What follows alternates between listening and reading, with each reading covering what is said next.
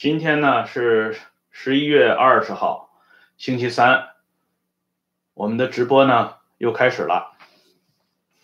今天是毛泽东与华国锋的收尾之作啊，就是说由罗宇的《告别总参谋部》这本书引发的诸多的看法和议论，以及在毛泽东 生前最后时光里的这一段政治风云变幻的事情呢，到今天就结束了。所以呢，今天的题目叫毛泽东身身后的政治布局为何失控？在昨天节目的结尾之处呢，提到了在二零零八年当华国锋去世的时候，当时担任最高领导人的 为何对华国锋进行厚葬？他是基于两个原因，一个是历史的原因，一个是现实的原因。历史的原因呢，我们不妨把话题扯得远一点儿。啊，我们都知道清朝能够入关，实际上是多亏了一个人。这个人呢，就是努尔哈赤的第十四个儿子多尔衮。如果没有多尔衮的统帅，清朝不会在短短的时间内取得巨大的胜利和空前的权威。但是多尔衮身后呢，却遭到了政治上的清算。这个人呢，后来被画成了鬼脸儿。啊，可以说是掘墓鞭尸。到了乾隆四十三年，爱新觉罗弘历亲自出面为多尔衮平反昭雪，追复他的睿亲王的爵位，并且加恩世袭罔替，并且上了一个最好的谥号，就是忠啊，后人称之为睿忠亲王多尔衮。乾隆皇帝之所以要给多尔衮平反，其道理呢只有一条，就是爱新觉罗家族的开创人是不会有坏蛋的，都是佼佼者，否则后边的历史就不好写了。因此呢，我们回过头来看一下中共历史上的历任总书记最后的评价，几乎呢，我们可以说，除了向忠发之外，任何一位。啊，谢谢张先生的打赏啊！任何一位总书记，在今天的历史评价这个栏目里边，都还是说得过去的。陈独秀啊，中共中央党党校出版社专门出版了《晚年陈独秀》这本书，等于公开为陈独秀平反，甚至称陈独秀晚年的一些思想呢。通篇闪烁着马克思主义的光芒啊！陈独秀、瞿秋白就不用说了，甚至像王明这样的人，本来呢已经隐身到国外，并且化名马马维奇，对党的当时的最高领导人出口不逊，并有回忆录传世。即便如此，《王明年谱》在新世纪开篇之后呢，也出版了。在这个《王明年谱》里边呢，对王明没有像以往那样。刻意的扣上一些乱七八糟的帽子，相反呢，还能够比较客观平实的叙述王明的一生。只有向忠发，目前呢，虽然还有这个叛徒的帽子，但是向忠发的传记 也在国内公开出版了。由此我们看，华国锋最终获得这样的地位，从历史的角度来看，一丁点都不奇怪。还有一个是现实的原因，为什么叫现实的原因呢？我们来看一下这本书啊，这本书的名字是由江泽民亲笔题写的《向守志回忆录》。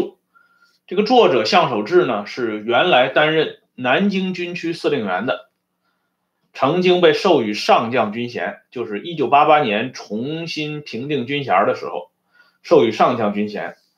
以前一直有一种说法。啊，说什么呢？说邓小平曾经搞过隔代指定，就是说他不仅同意了由江泽民接替他的职务，而且呢，他还为江泽民身后指定了一位接班人。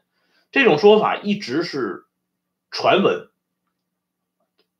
到底这个说法有没有公开的依据？大家呢似乎没有啊一个准确的说法。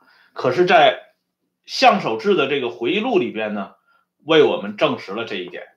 向守志的回忆录里边是这样说的：小平同志在确定江泽民同志为第三代领导集体核心的同时，还特别安排了四十七岁的胡锦涛同志为中央七人常委之一，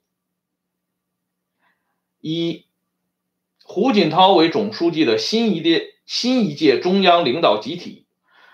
受到全党全军全国各族人民的衷心拥戴，这是小平同志远见卓识的又一范例啊！这篇话呢，尽管没有提到隔代指定这件事情，但实际的意思呢，已经是溢于言表了。而向守志的妻子啊，就是他的老伴儿张玲和邓小平的老伴儿卓林呢，原来就是故旧啊。在一九八七年十一月的时候，张玲。去卓林家里做客啊，就是到邓小平卓林家里做客。邓小平一见到张玲，首先问的一句：“啊，向守志怎么不来呀？”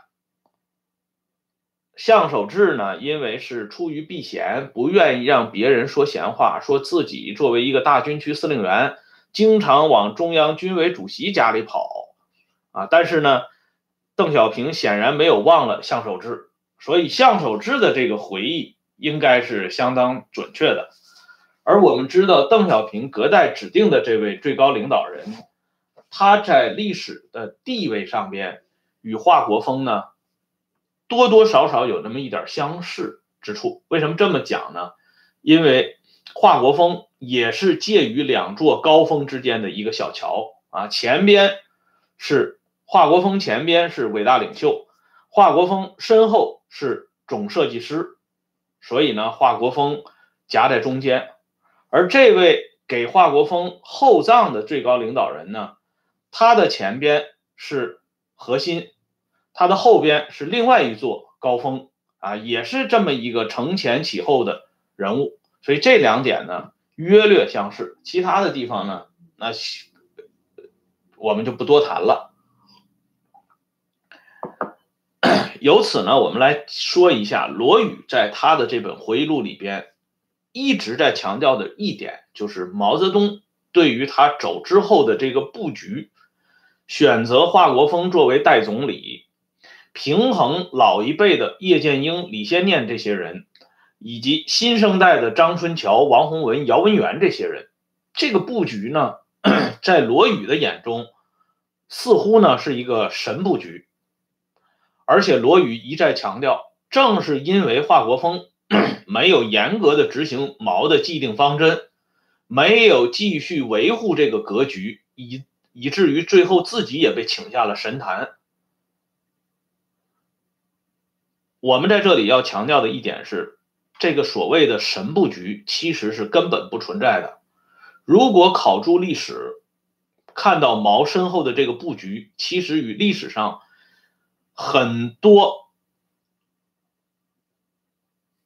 重大事件有相似之处啊，这里呢我只举两条，太多的就不说了。一条呢是北魏孝文帝，我们都知道那场著名的孝文帝改革，北魏孝文帝元宏在南征途中患疾病啊，不久于人世，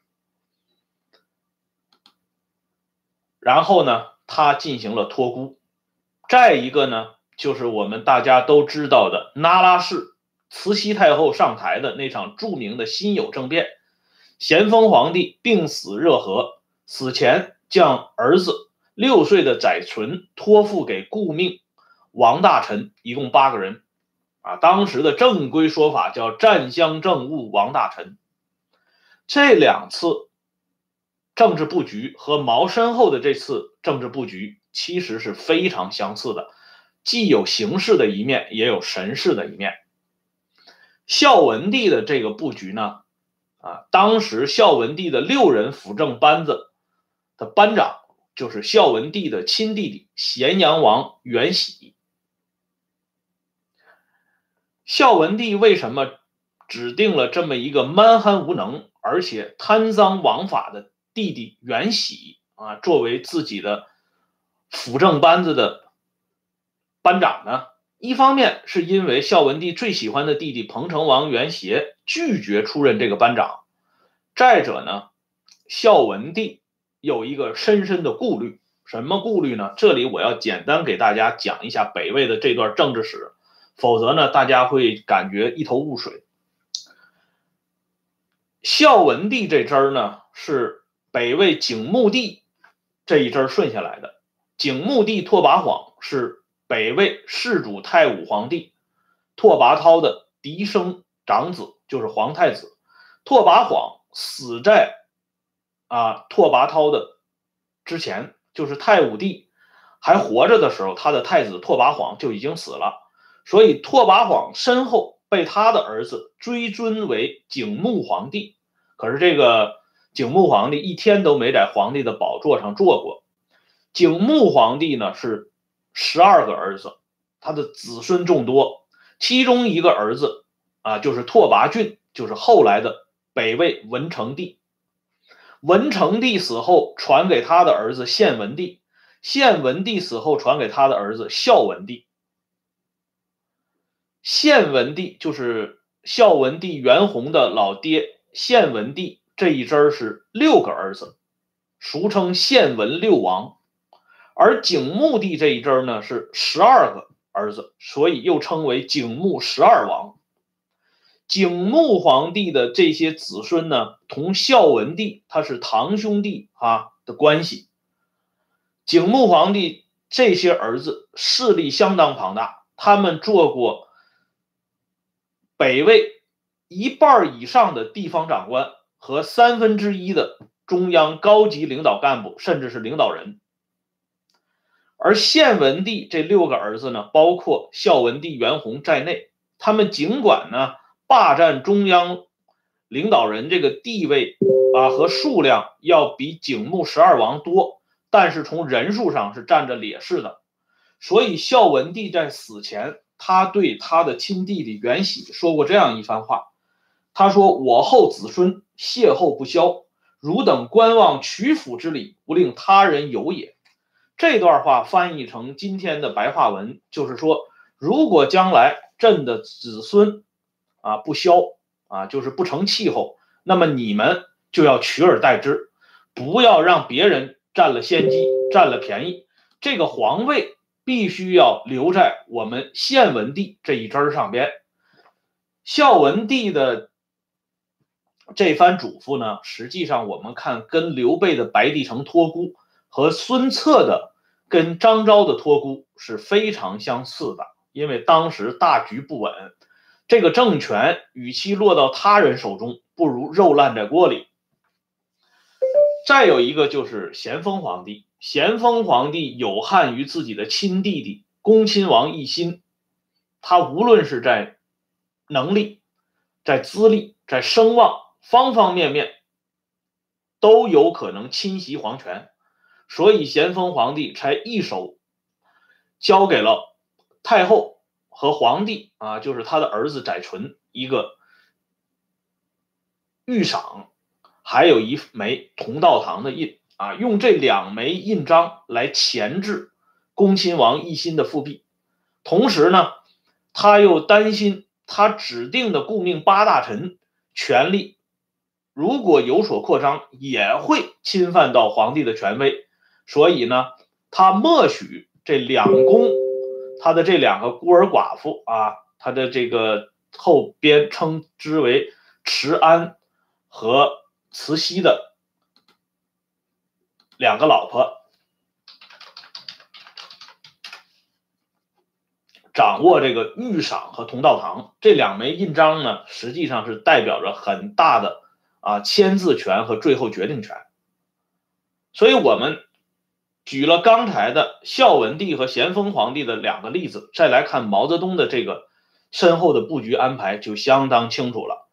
因为毛在死他濒临死亡之际，当时他一手创造的这个江山实在是处于风雨飘摇之际，所以这个一生啊都相当自信，打败一切对手，包括他自己炮制出来的这些所谓的对手那毛泽东呢，他居然能说出来，你们怎么办？恐怕只有天知道。这样非常不自信的话，啊，李瑞呢对毛的晚年的嘱托曾经有过一个长篇的论述，大家不妨去看一下。毛对自己走了以后，这个整体的政治局势将向何处发展，实际上心里是没有数的。而经过文化大革命的十年的锻造呢，老一辈毛已经不再相信了，特别是林彪事件给予毛的重创，让他心里已经有了巨大的阴影。这种老同志是完全信不过了，而中生代这些人呢？资历虽然要比新生代强一点，但是能力跟不上。还有一个呢，就是王洪文这些啊造反起家的小将们、小闯将们，他们能力差、资历浅，啊不足以掌舵。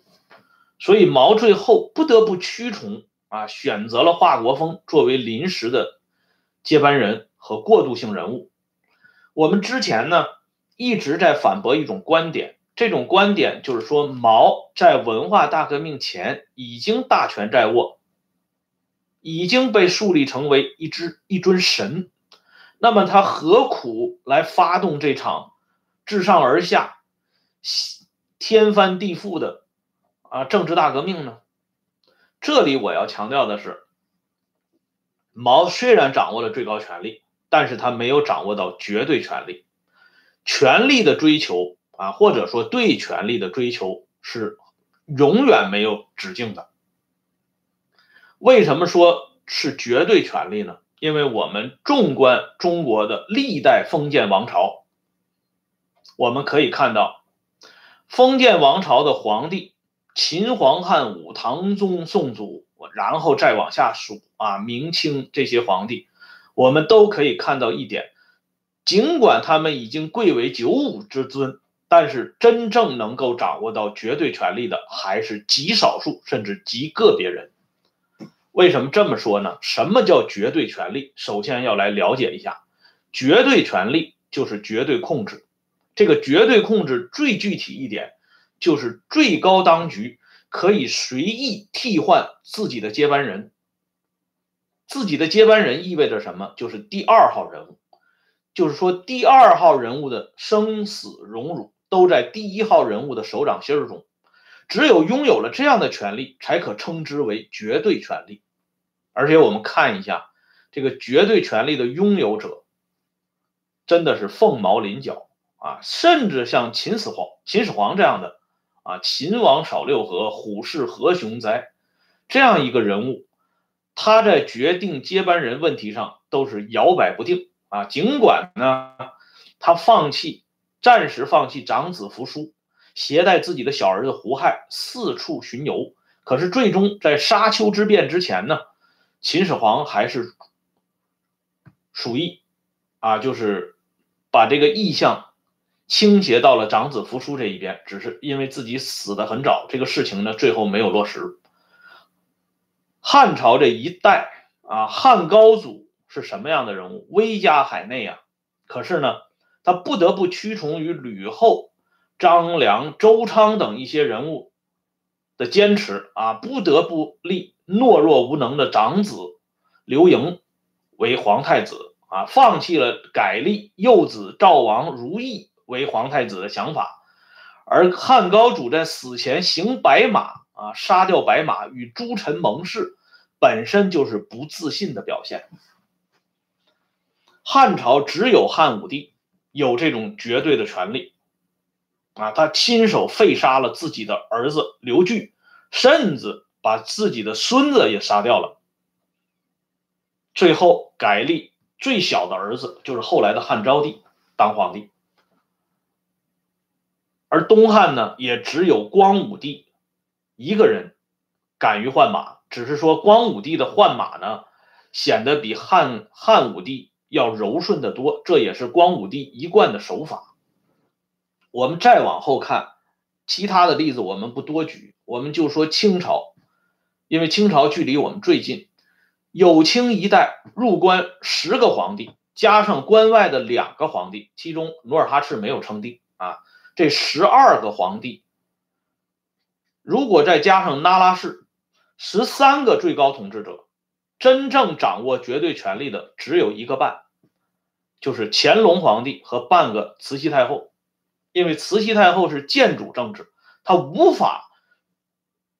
堂堂正正的啊，坐在养心殿，住在乾清宫处理大局。她毕竟是太后，是女流的身份。乾隆皇帝一句话要了皇长子，后来追封为定亲王，谥号为安，合称为定安亲王永皇的命。这个大家看电视连续剧《如懿传》里边就能看到这组镜头。再一个呢，他一脚踢死了啊。皇后亲生的儿子就是乌拉氏亲生的儿子，皇十二子永基。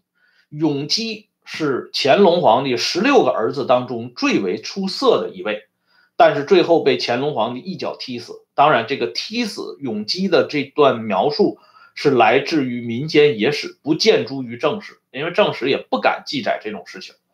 总之呢，乾隆直接杀害了自己的两个儿子。他正是基于这样的基础上，才夺得了绝对权力。绝对权力意味着绝对血腥，就是说，在这个人眼中，其他任何人，包括自己的老婆孩子，都是一堆肉。只要他不高兴，这些人立刻化为齑粉。啊，所以说，中国从公元前二百二十一年秦始皇称帝到宣统结束，两百多个封建皇帝。真正能够拿到绝对权力、尝受到绝对权力带来的绝对控制的这个职位的人是非常少之又少。因为虎毒不食子，即便是皇帝对自己的亲生儿子开刀问斩，想来也没有多少人敢干这种脏事儿。但是呢，乾隆就能做到啊！乾隆就是害死了两个亲生儿子。那拉氏呢？为什么说他是半个呢？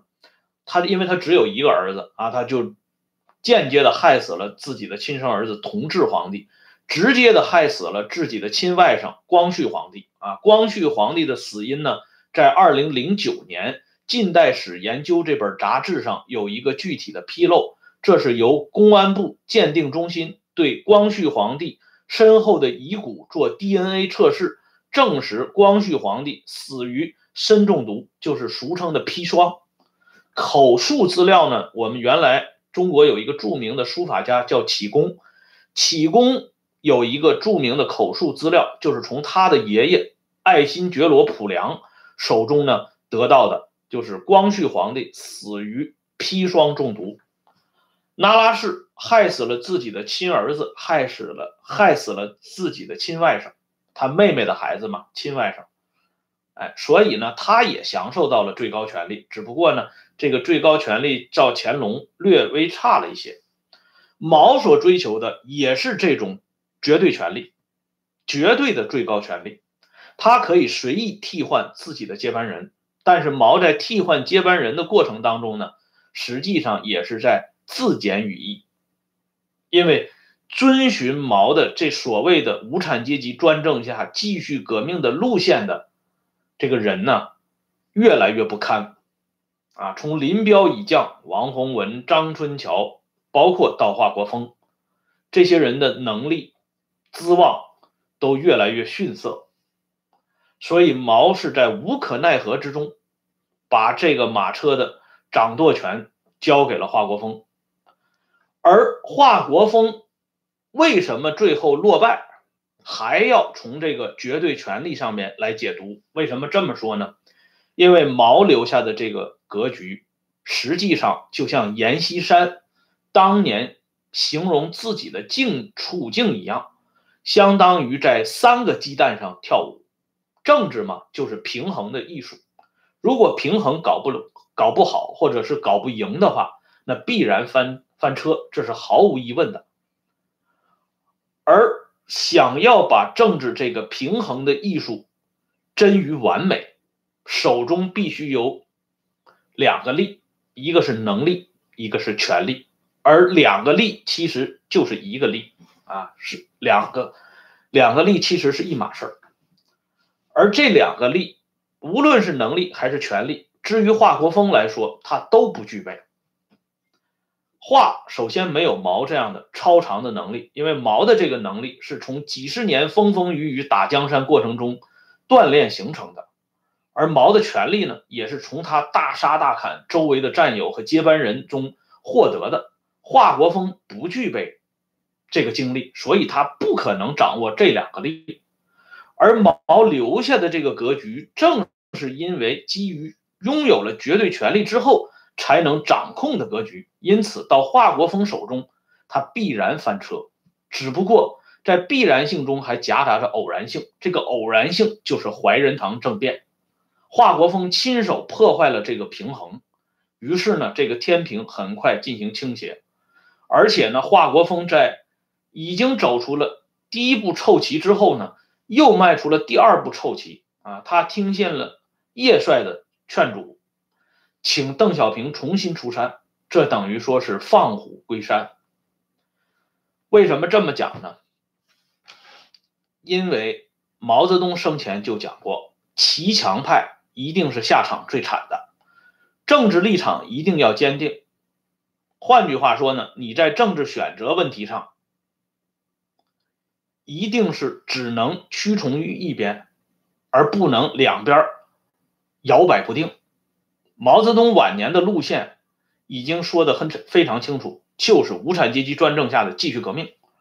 而华国锋呢，他是处在一种摇摆不定的状态下，他既想呢维护文化大革命的胜利果实，遵从毛泽东的意见，同时呢又想不过分的得罪原辽的原来的官僚集团。即所谓的老一辈无产阶级革命家们，这样呢，他最终的结局也就在这摇摆不定之间被决定了的。所以毛泽东身后的这个布局其实是必然归于失败的。为什么这么讲呢？